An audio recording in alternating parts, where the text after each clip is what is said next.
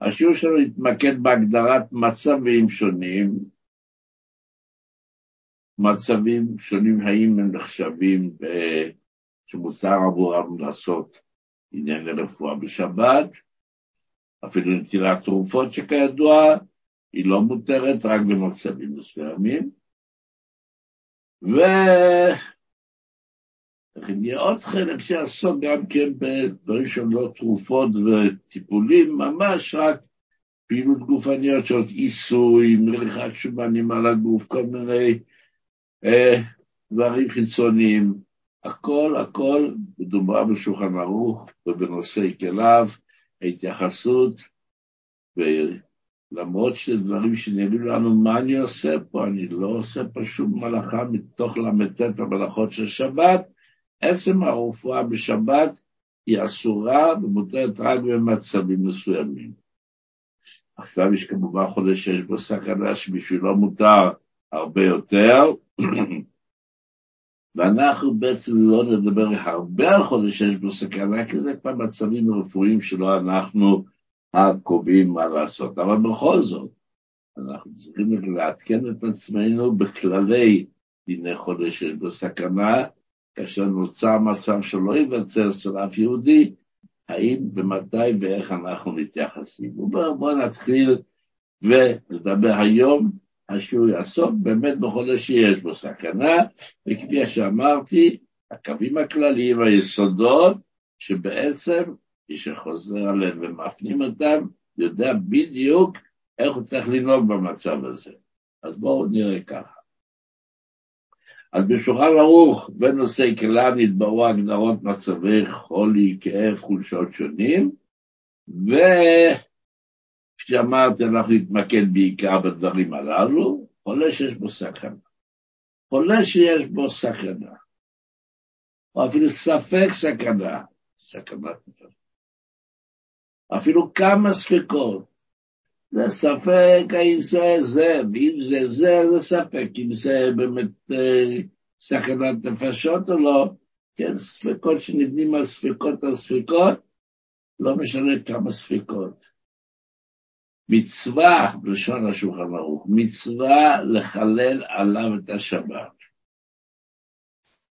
מישהו שואל חס וחלילה, אבל זה מצב שהבן אדם הזה, לא עלינו במצב שלו, אנחנו לא נוכל להציל אותו, אבל להאריך את חייו בעוד כמה שעות, בעוד כמה ימים. בהחלט כן, מצווה לחלל עליו את השבת גם עבור חיי שעה, ואפילו מלאכות דאורייתא. בלשון השולחן ערוך, הזריז, הרי זה משובח. אז אם המצב הוא לא בהול, יש זמן, המצב לא הולך להשתנות, לא הולך להפוך ליותר גרוע, יש זמן לשאול לרופא, לשאול רב, לשאול מומחה, מורה הוראה, האם ומה לעשות, בוודאי. אבל אם מצב שבהול לטפל מיידית, אסור להתעכב. צריך לעשות מיד את מה שנראה לנו לפחות שנדרש לרפואתו של האדם. בלשון הפוסקים, האיש הוא מתחסד, ויראה לך את השבת בחולה כזה, כי אם על ידי מורה.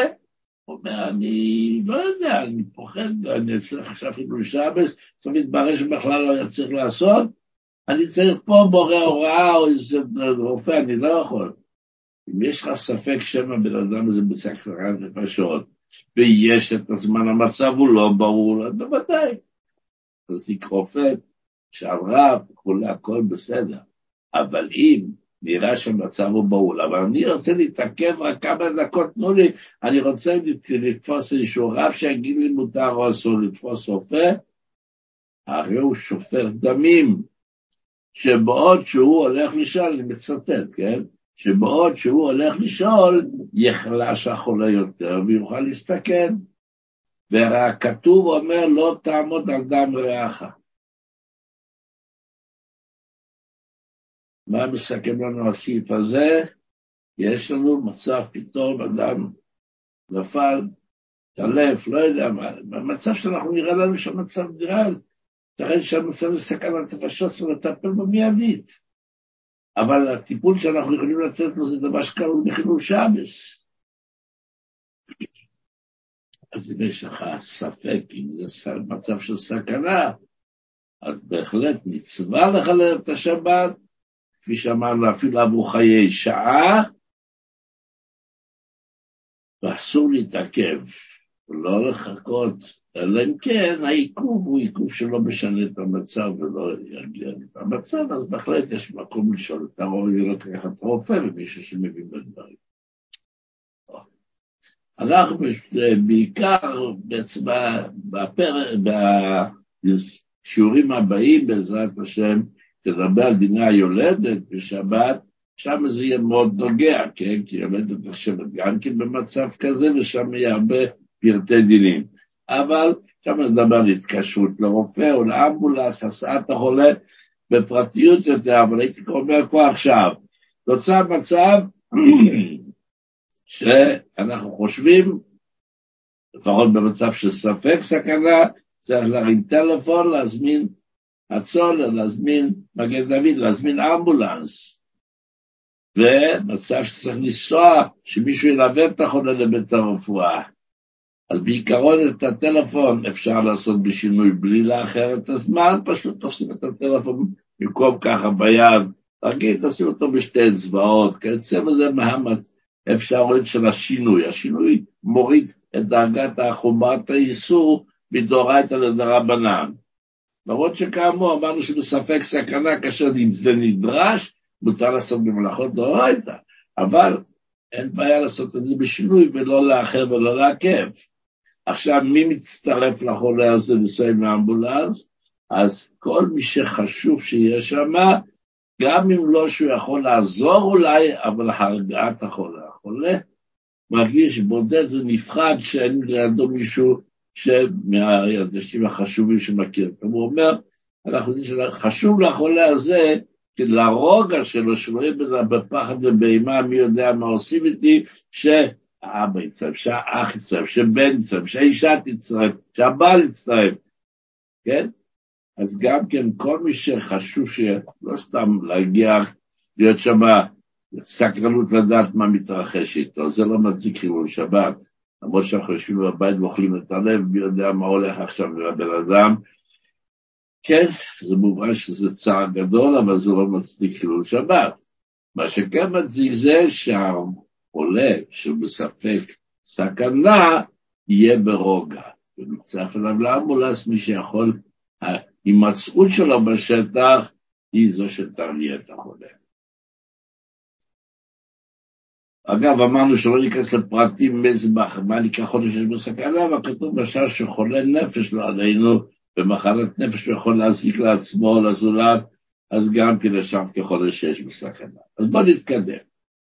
יש כלל הלכתי שאומר, כל מכה של חלל, אני לא צריך להסביר מה הפירוש, כל מכה שבחלל הגוף, כך קוראים לזה בלשון ההלכה, מכה של חלל, המילה הזאת היא מילה מפחידה, בימינו אלה בתקופה לא רגילה שעם ישראל עובר עכשיו, אז פה, אבל ככה זה הלשון להלכה. כל מכה, מכה זה פצע, פציעה שהיא נמצאת בחלל הגוף, כלומר באיברים הפנימיים, נחשבת למצב שמחללים את השבת על זה.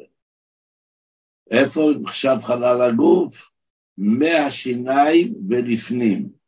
כלומר, החלק החיצוני עד לשיניים, זה נחשב, לא נחשב למכה של חלל, מהשיניים פנימה, מהגרום פנימה, זה נחשב למכה של חלל, ומחללים את השבת. אבל, כפי שזה ציטוט מלשון השולחן ערוך, מה שאני אומר לכם עכשיו, והוא שנתקלקלו השיניים, או משאר דברים אחרים. כלומר,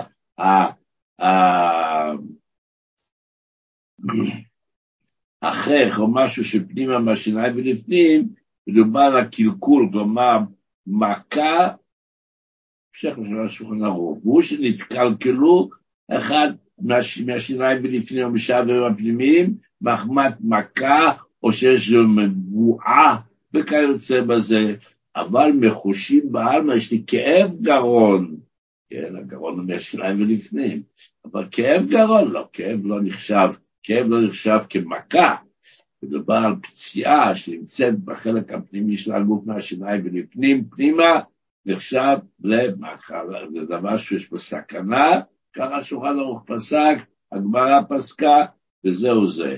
על זה מחללים את השבת במה שנדרש. עכשיו, יש אה, דעות בפוסקים שאומרים שזה מה שכתוב שכאב לא נחשב כסכנה, זה תלוי ברמת הכאב.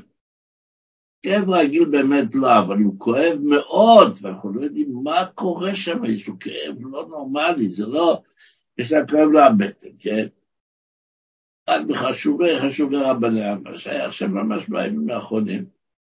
כואב לה הבטן, בשמחת תורה, בהקפות הוא לא יכול לקרוא, כואב לה הבטן. כאב בטן, נשכב לנוח קצת. אחרי זה הכאב הפך להיות לכאב אקוטי מאוד, אז באמת התברר שהיה ממש לא עלינו, צריך לעבור שתי ניתוחים אחד אחרי השני, כיוון לו פשוט לא עלינו ולא אפילו חור במעי, נקב במעי. אז שכואב מאוד אומרים פוסקים מסוימים, אז אתה חושב, אפשר עכשיו, אולי באמת יש משהו שמצדיק, אז מחללים את השבת. אבל יש דעות שאומרים לא, כאב זה, זה לא מה, כאב זה לא פצע, ואני עסקתי בנושא הזה בהרחבה, והנטייה היא להקל. וגם אם אין הכרעה, אם יש פוסקים שאומרים שחייבים לך. אמרנו מקודם, שלא רק במצב של סכנה מחללים את השבת, גם במצב של ספק סכנה, נכון?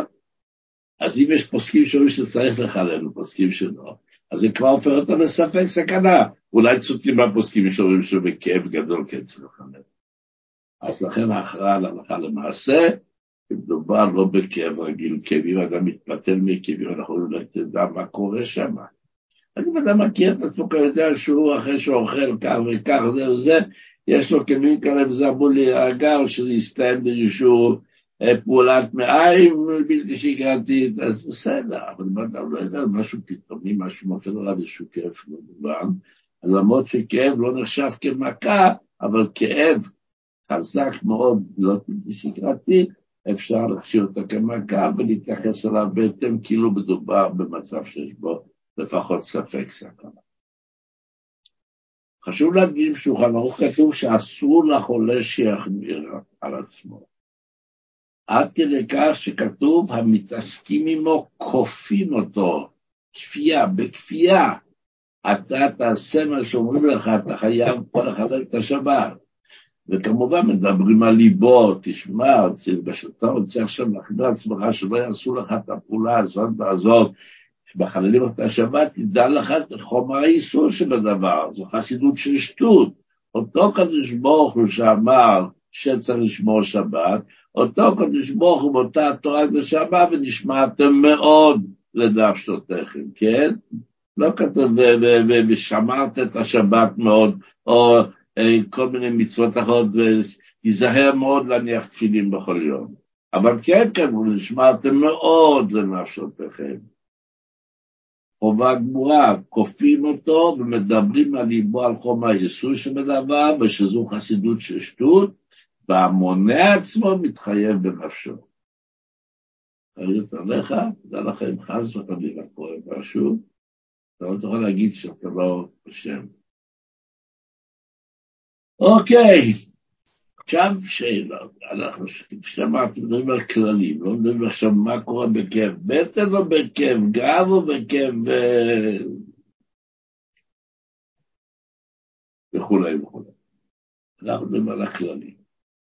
עכשיו, אם המצב זה שאנחנו יודעים, מכירים את המצב הזה כבר, הוא כעת לא במצב של סגר.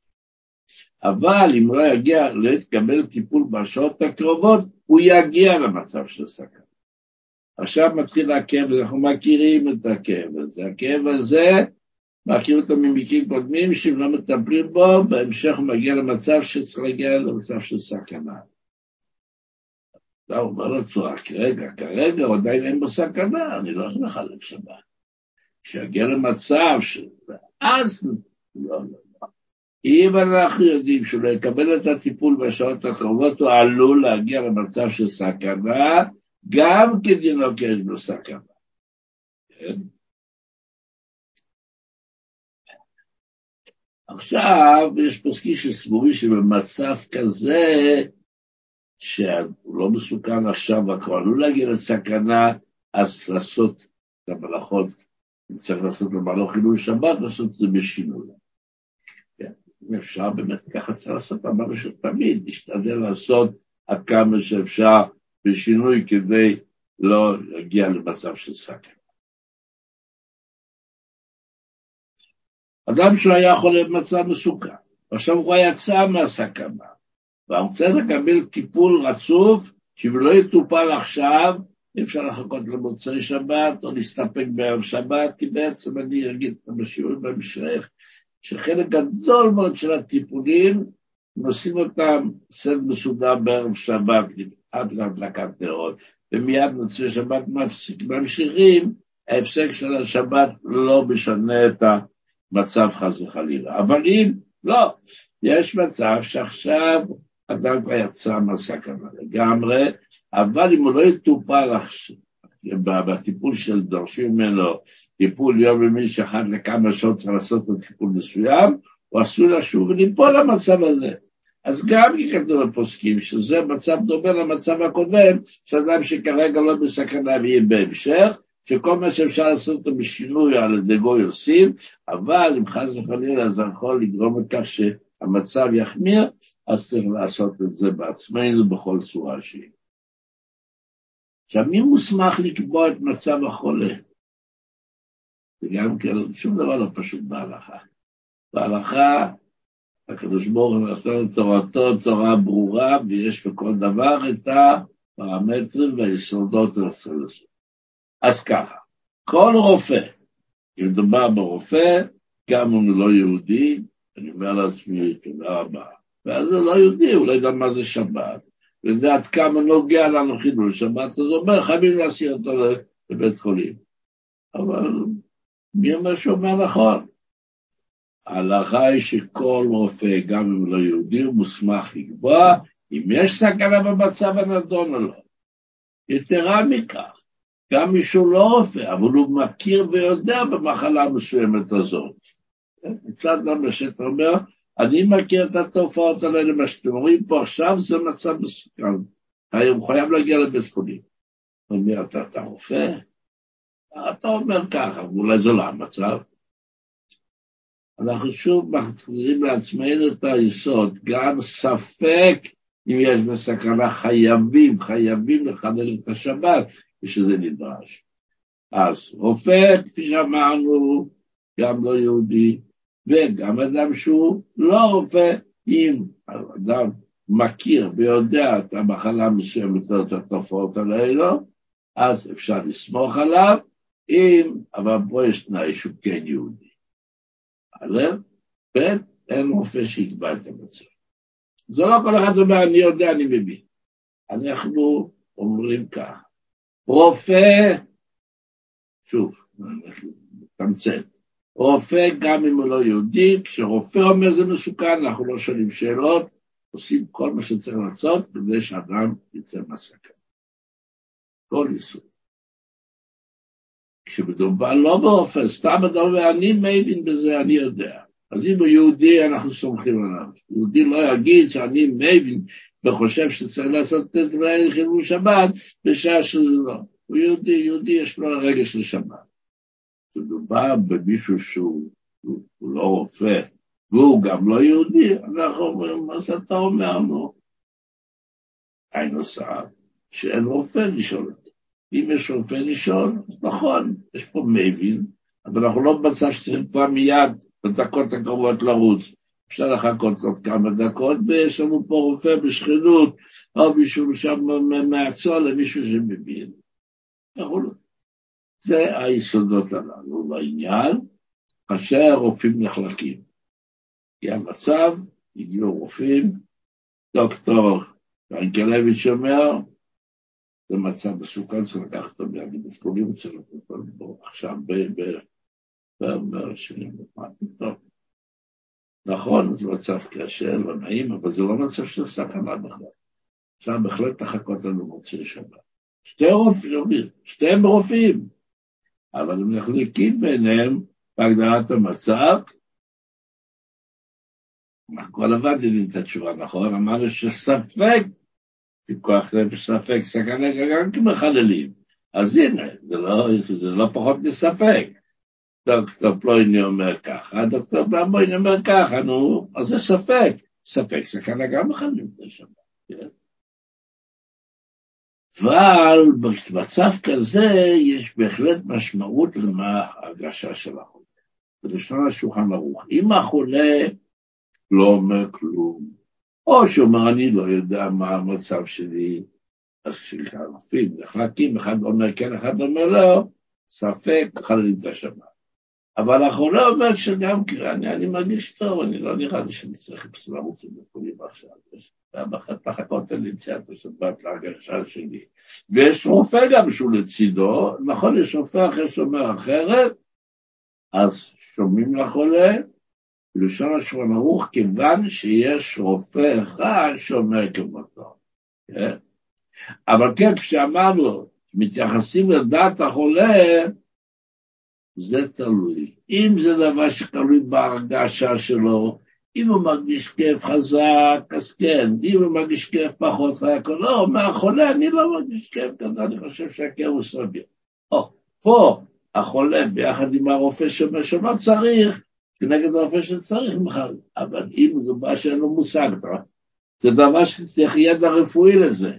האם במצב כזה, כאשר, אני אקח את הדוגמה, יש לך חוסר שיווי משקל, או שאתה לא מצליח להזיז איזשהו רעב חס וחלילה, אתה, אין לך מושג בזה, אתה, אתה, אתה מרגיש טוב, כן, אבל זה לא, זה עניין של ידע רפואי קובע פה.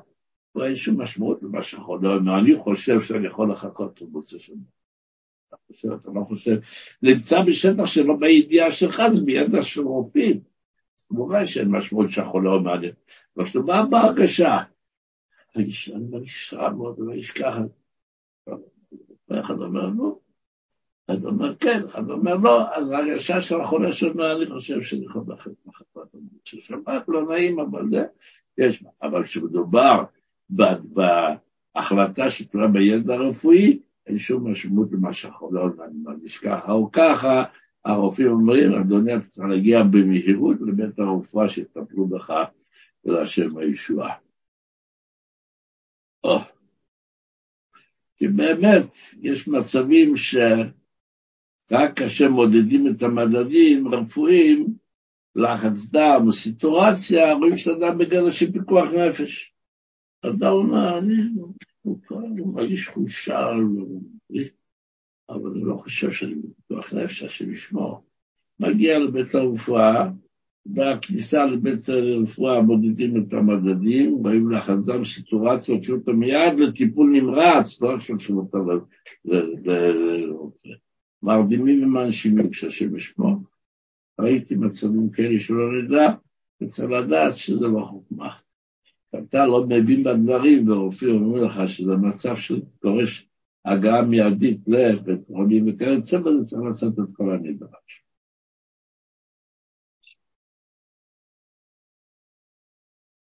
עכשיו, אם רופא אחד אומר שצריך לחלל בשני רופאים אומרים שלא צריך, כן? אז באמת, יחיד לרבים, הלכה כרבים, זה כבר לא ספק. שני הרופאים אומרים שלא צריך חילול שבת, נכון ששופט אחד צריך, הוא סתם מחמיר. בלשון ההלכה, אין דבריו של האחד במקום שניים. ואם האחד הוא מופלג בחוכמה כנגד השתיים שהוא לא צריך, זה פרופסור גדול שיש לו בשטח הזה, הוא המומחה הגדול, ואין לו רופא משפחה, כל הכבוד, הם רופאים טובים, ייתכן ש... אבל הוא נחשב למופלג בחוכמה כנגד אותם השניים, חוששים לדבריו, וזה הופך לספק נפשות, צריך לחלק בשבת. אז אה, בעצם בפוסקים נושאת להשולחן ערוך יש עוד כמה וכמה פסקי הלכות, אפשרות מצבים שונים שיש חילוקי דעות בין רופאים או בין החולה לרופא, ואנחנו דיברנו, כפי שאמרנו, רק על עיקרי הדינים ואת הכללים בינינו. עכשיו, נדבר על אופן המלאכות לרפואת החולה, ו... על ידי מי לעשות את זה, האם יש עניין להדר שעשה על ידי גוי או לא, האם יש עניין לעשות את המלאכה באופן משונה או לא, אז בואו נראה כאן. אני גם כן אצטט לשולחן ערוך, וכמובן נבהר את הציטוט. נתחיל עם ציטוט.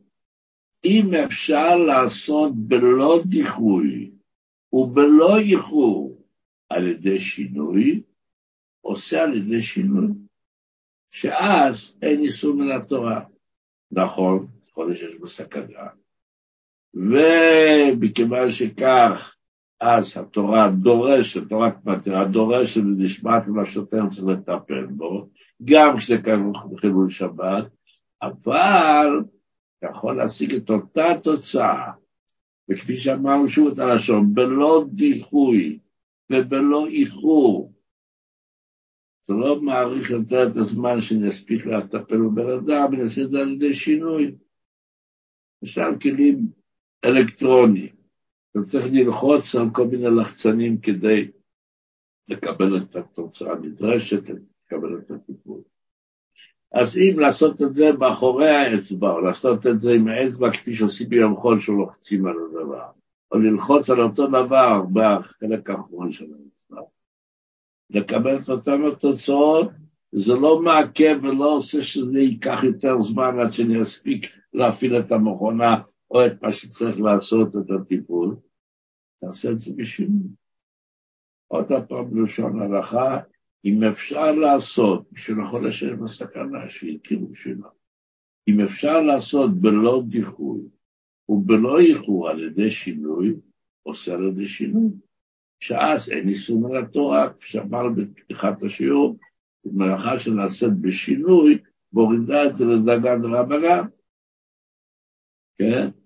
וכך באמת ראיתי בהנחיות שהגאון של זמן אוירבוך, פוסק הדור האמיתי של הדור שלנו, שהוא כתב הנחיות לאחיות ומילדות וכיוצא בזה, אז הוא כתב להם שאתם נכנסות תחת להדליק את האור, אם זה לא גורם לדיחוי, לעשות את זה עם המרפק, ללחוץ על המתג, ומאחורי היד וכיוצא בזה, תעשו את זה בצורה הזאת, כיוון שהאור יידלק, בכל אופן גם אם תעשו את זה בשינוי. עכשיו ככה, בעיקרון כתוב בהלכה שבמקום סכנה, דווקא לעשות את המלאכות על ידי רבנים גדולים, בני דת, יש חכמי ישראל שהם יעשו את זה, אבל למעשה כתוב שנוהגים למעשה, גם בשולחן ערוך כתוב, שאפילו בדבר שיש סכנה במניעתו, אם אפשר לעשות את זה על ידי גוי, לעשות על ידי, יהודי, כן? אם, שוב, רשום שוב באותו סגנון, אפילו בדבר שיש סכנה במניעתו, לא לעשות על ידי ישראל, על ידי יהודי, כל שאפשר לעשות על ידי גוי, בלא דיחוי ועיקוף כלל. אבל כן, מה חושב שם אצלי במקום בתקופה, שם הגויים, שם יהודים, אני יכול להגיד לגוי בוא, תדליק האורות, תפעילי את זה, אם זה ייקח, בגלל זה אני יכול לחפש אולי שזה גוי בשטח וזה יאחר את הטיפול, זה בטח שלא, אבל אם זה, כמו שכתוב, בלא דיחוי ועיכוב כלל, אז למה שיהודי יעשה את זה? שהרופא או האח הגוי, שהוא יעשה את הדבר. אבל מן הדין, כתוב לא לעשות ככה, מדוע דורשים חכמים שגם כשיש שם גוי, זה לא פשוט לעשות את זה, כי הם חששו שמא יראו אנשים שעושים רק על ידי גוי ויחשבו שאסור על ידי יהודים. אה, אני רואה שהיהודים לא נותנים פה בזה, רק מבקשים מהגוי כל הזמן. אז אם חס וחלילה ייווצר עוד פעם מצב כזה, ואותו אדם פשוט שלא הקשיב לשיעור, הוא חושב שכנראה שתמיד צריך לחפש גוי, ויגיע מצב של סכנה, והוא יגיד, לא, אני זוכר שהיה סיפור כזה, וחיפשו כל הזמן גוי. זה יאחר וכן יעכב שם את הטיפול, לא תמיד חכם עד כדי כך להבין שזה נעשה.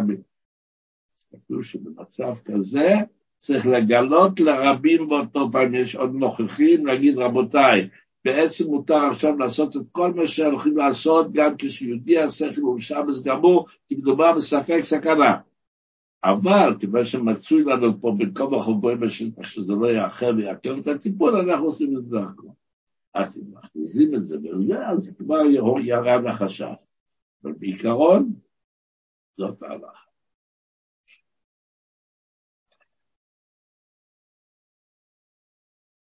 עכשיו, דברים שהם לא חלק מהטיפול הישיר בחולה. לכתוב כל מיני דברים שנדרשים. החולה לא נהיה בריא יותר או בריא פחות, וזה שיושבים וכותבים שם את הדוח לסיכום הטיפול, אז או שחותמים על כל מיני מסמכים, אבל זה כתוב בפירוש, שאם אי אפשר לקבל את הטיפול הזה רק על ידי כתיבה, אז בוודאי שצריך לעשות את זה, אם אפשר על ידי גוי, ואם אי אפשר, אני צריך לחתום דווקא, אני צריך לחתום, ולא יעזור שגוי יחתום, אז לחתום את החתימה בשינוי מסוים, להפסיק את העט בצורה משונה, לכתוב את החתימה בצורה משונה. שוב, כל הדברים האלה לא גורמים לעיכוב בטיפול, כי זה לא טיפול ישיר בחולה, הטיפול, הטיפול הוא טיפול, כל הדברים האלה. אז נכון, לפעמים נמצא שם רופא יהודי, והוא חייב לכתוב סיכום, מה שהוא ראה פה, כדי שהרופאים שבאים אחריו במשמרת הבאה וכיוצא בזה, ידעו איפה אנחנו אורזים, מה היה הממצא בשעת המעשה, מצאנו את אדם כך וכך, היו פרמטרים כאלה פה, לחץ דם היה ככה, וזו הסיטואציה הייתה ככה, וכתוצאה מכך הרופאים בהמשך ידעו לטפל, אם הוא לא יכתוב מה שקרה פה, הרופאים יגיעו בלילה למחרת, לא יודעים מה, מה באמת דובר. תתחילו הכל מההתחלה. אז אם חייבים לכתוב חייבים. אם אפשר להכתיב את זה לגוי שמה, חייבים לחפש גוי. בגלל שפה לא מדובר בטיפול הישיר במצב הסכנה, ואם אין שום דרך אחרת, לא לכתוב לפחות בשינוי. ובכלל, היום שמכתיבים לתוך המחשב, חשוב להוסיף את הנקודה הזאת, כן?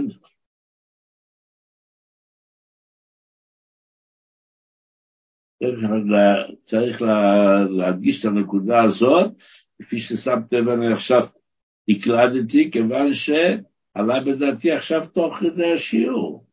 אז זה מה שנקרא מתלמידיי יותר מכולם, כן? כך כתוב בגמרא, שהרבה קיבלתי מרבותיי וחבריי, מתלמידיי יותר מכולם. אז הנה עכשיו עלה בדעתי. כשאנחנו מקלידים במחשב, אנחנו לא כותבים. אנחנו עושים איזשהו, בהקלדה לאלף, לא, לא, לא נכתב במחשב המילה א'.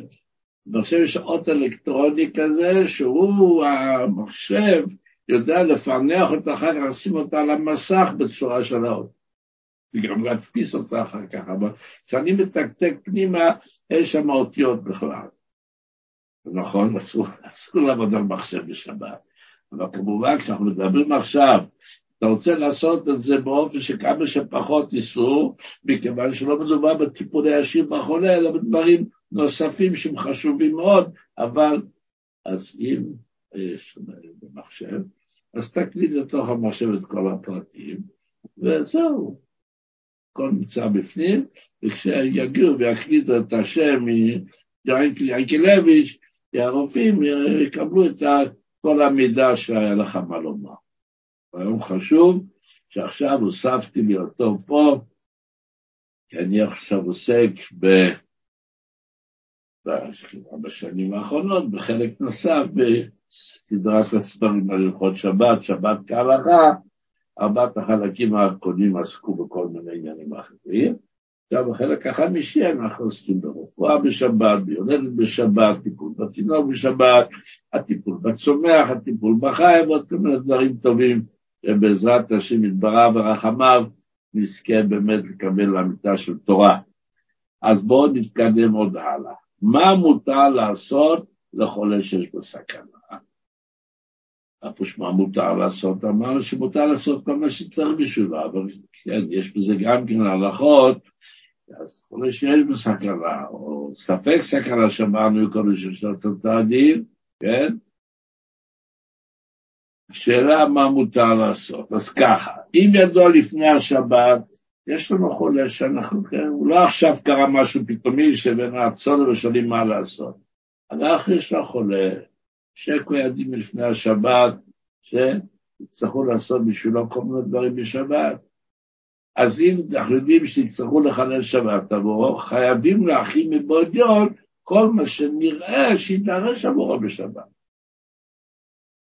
אם אתה יודע מלקצר, אני אומר תמיד, יש, אישה שואלת של התינוק, הוא חייב, אין ברירה. הדרך היחידה שיהיה לו מה לאכול בשבת, שהיא תשאב חלב בשבת.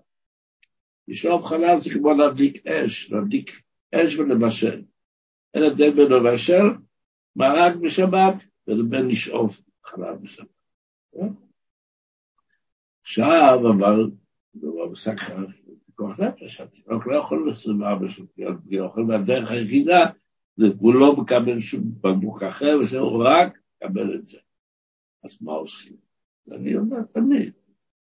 כמובן שאם ייווצר כזה מצב בשבת, הוא אחר של התינוק, אנחנו נתיר, אבל אתה יודע מלפני השבת שלנו לקרוא, חוץ ותקרא לך שעון שבת. ואת המכשיר שאלקטרוני שהוא שואבים בו את החלב האם, תפעיל את המכשיר בשעות מדודות, כפי שנראה שאז יצטרכו לשאול. כשהאישה תתקרב את עצמית לשד, את המכשיר, את המשאבה, לפני שמתחיל לפעול, בשעה 2:00 זה מתחיל לפעול, כמה דקות לפני כן שתהיה כבר צמודה, מתחיל לפעול, זה אוטומטית מתחיל לפעול והיא לא עושה שום פעולה, כן? למה? אבל זה פיקוח נפש, למה שבשבת? לא. אנחנו עכשיו מקדים, זאת ההלכה שאנחנו לומדים עכשיו, שאם ידעו לפני השבת, צריך לעשות פעולות שבכלל שבת חילול שבת, ואפשר להכין אותם בעוד יום, חייבים להכין אותם בעוד יום. אם זה יקרה ולא עשינו, אז כמובן אנחנו נחלל שבת, אבל אתה יכול לגרום לכך לפני כן, חייבים לדאוג לכך לפני כן שלא יצטרכו לחלל את השבת. מה מותר לעשות עבורו? מעיקר הדין, ראשון השולחן ערוך.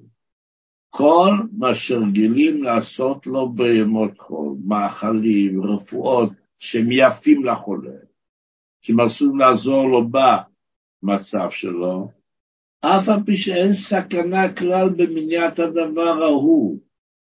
הפרט הזה זה לא בזה תלוי הסכנה, אבל בפרט הזה זה כן יחזק את החולה וייתן את האפשרות להתגבר על המחלה. אז כותבי הפוסקים שיש, אם יש, אפשר, יש חשש, אם אנחנו לא נעשה את זה, הוא עלול להסתכן. אז בהחלט צריך לעשות את זה עבור. שוב, הכל נכנס ביסד, אם זה ברור שהוא לא יסתכן, אם לא יאכל מרק עוף, רק יאכל במקום זה את האנשור, כל מיני דברים אחרים.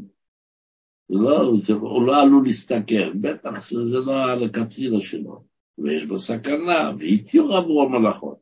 אבל אין שום מניעה, איך הלשון, כל שאין במניעת אותו דבר סכנה או ספק סכנה, למרות שזה דברים שהוא צריך אותם ורגילים לעשות אותו בכל, אין עושים אותו בשבת, אלא על ידי נוכרים.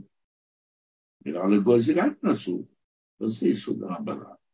נעשה על ידי הגוי, וחשוב לחולה שיקבל את המאכל הזה דווקא, שזה מחזק אותו, והוא נמצא במצב של סכנה או ספק סכנה, אז נגיד לגוי לעשות זה.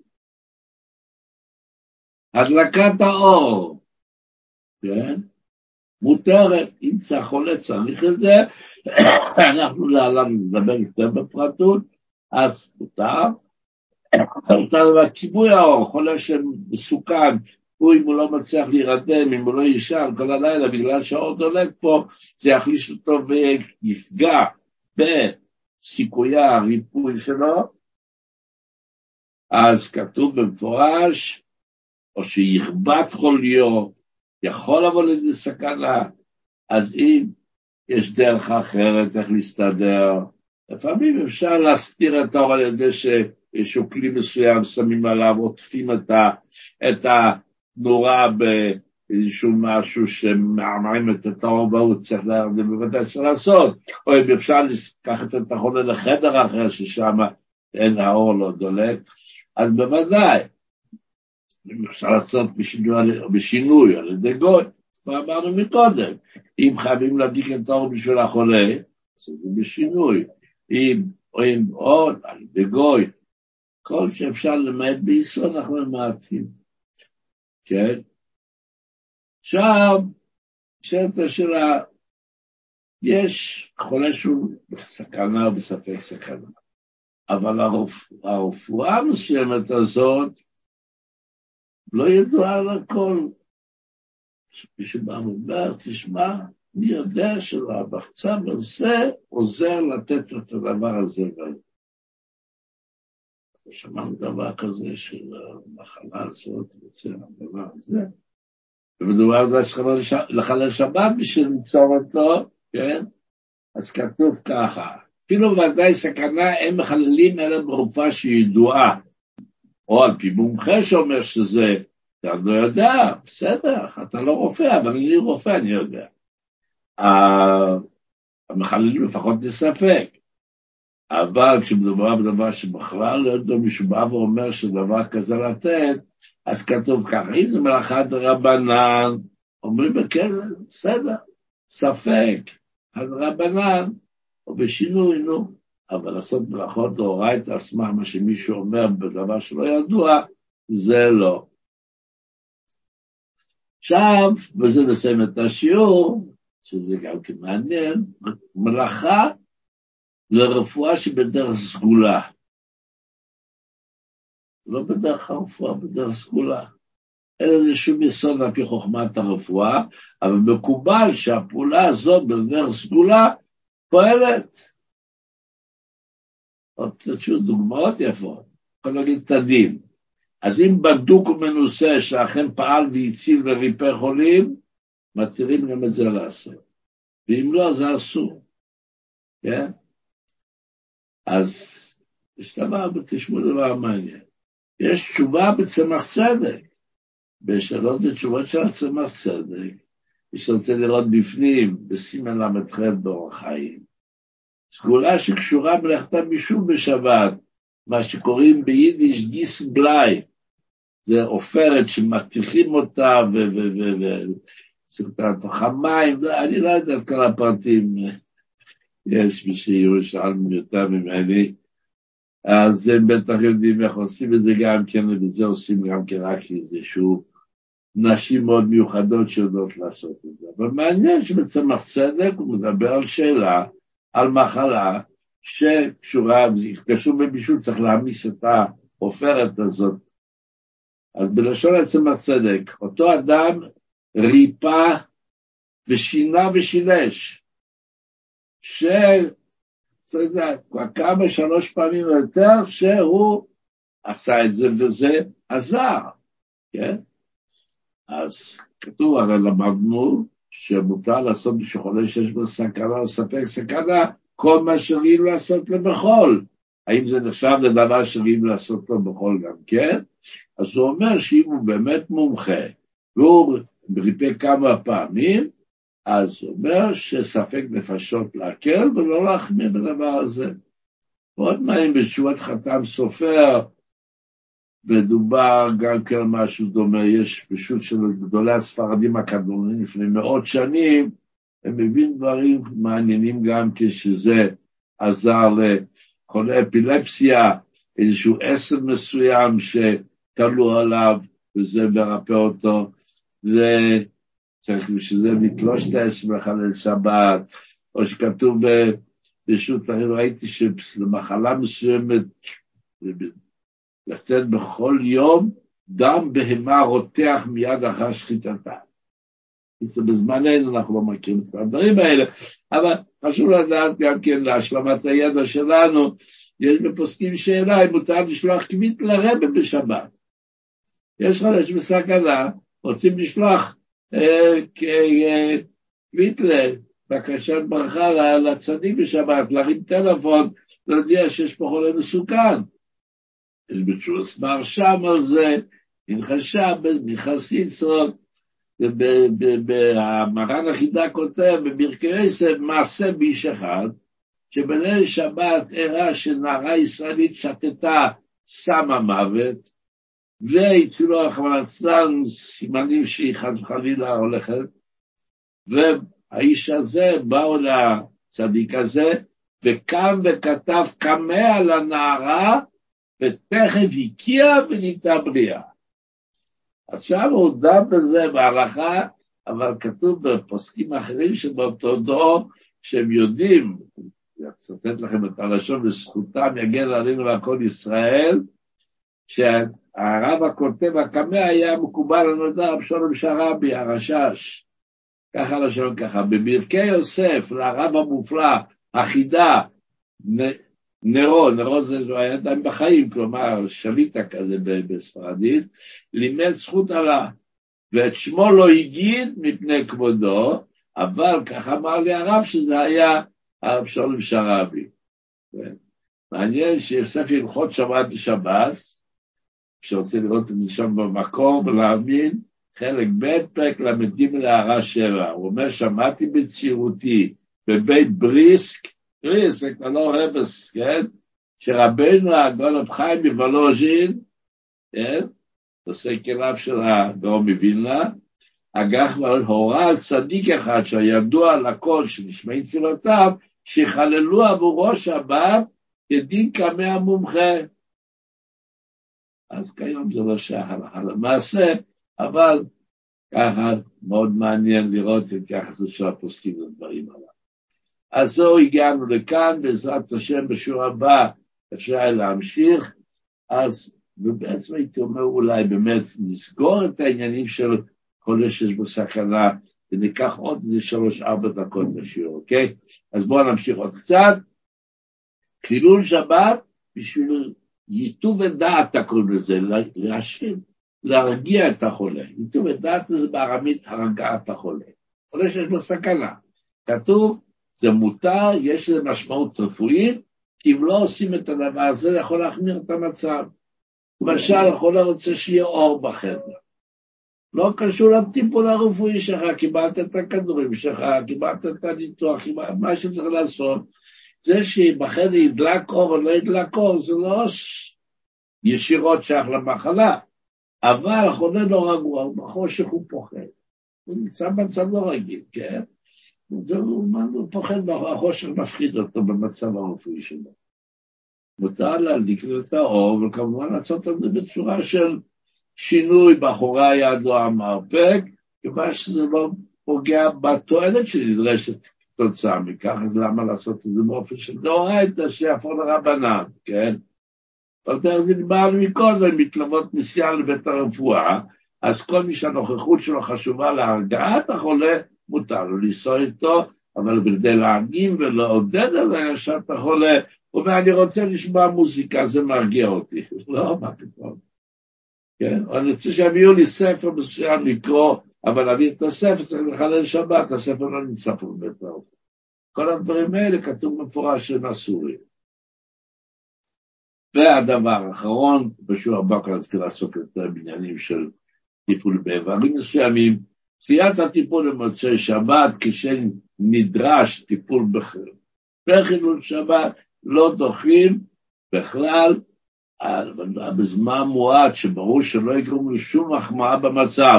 נצא עכשיו בעוד חצי שעה יצאת השבת, והמצב ידרוש חילול שבת, אבל לא יהיה שום הבדל, נעשה את זה עכשיו בעוד חצי שעה, אז כמובן שדוחים, ואם לא, אז כל ספק, אפילו אנחנו לא דוחים, שברוך ייתן לכל אחד ואחד מבני ישראל בכל מקומות לשבותיהם. בריאות נכונה, ומי שזקוק לרפואה, רפואה שלמה, ושלא נצטרך להזדקק לכל ההלכות האלה, הרי כמו שכתוב, דרוש וקבל שכר, יש הלכות כאלה בתורה, למשל בני בן סולו מורה, שאין מצב שזה יקרה בפועל, ואף על פי כן צריך ללמוד את העניינים, כמו שאומרים, דרוש וקבל שכר על לימוד התורה, אנחנו ניקח את זה בדרך לימודי, ובדרך מעשה שיפול רק על שונאי ישראל, ולכל ישראל יאור במושבתם, ולבשר להתבשר שמחה ובריאות נכונה, וכל תורגש מברוך מכל עם ישראל.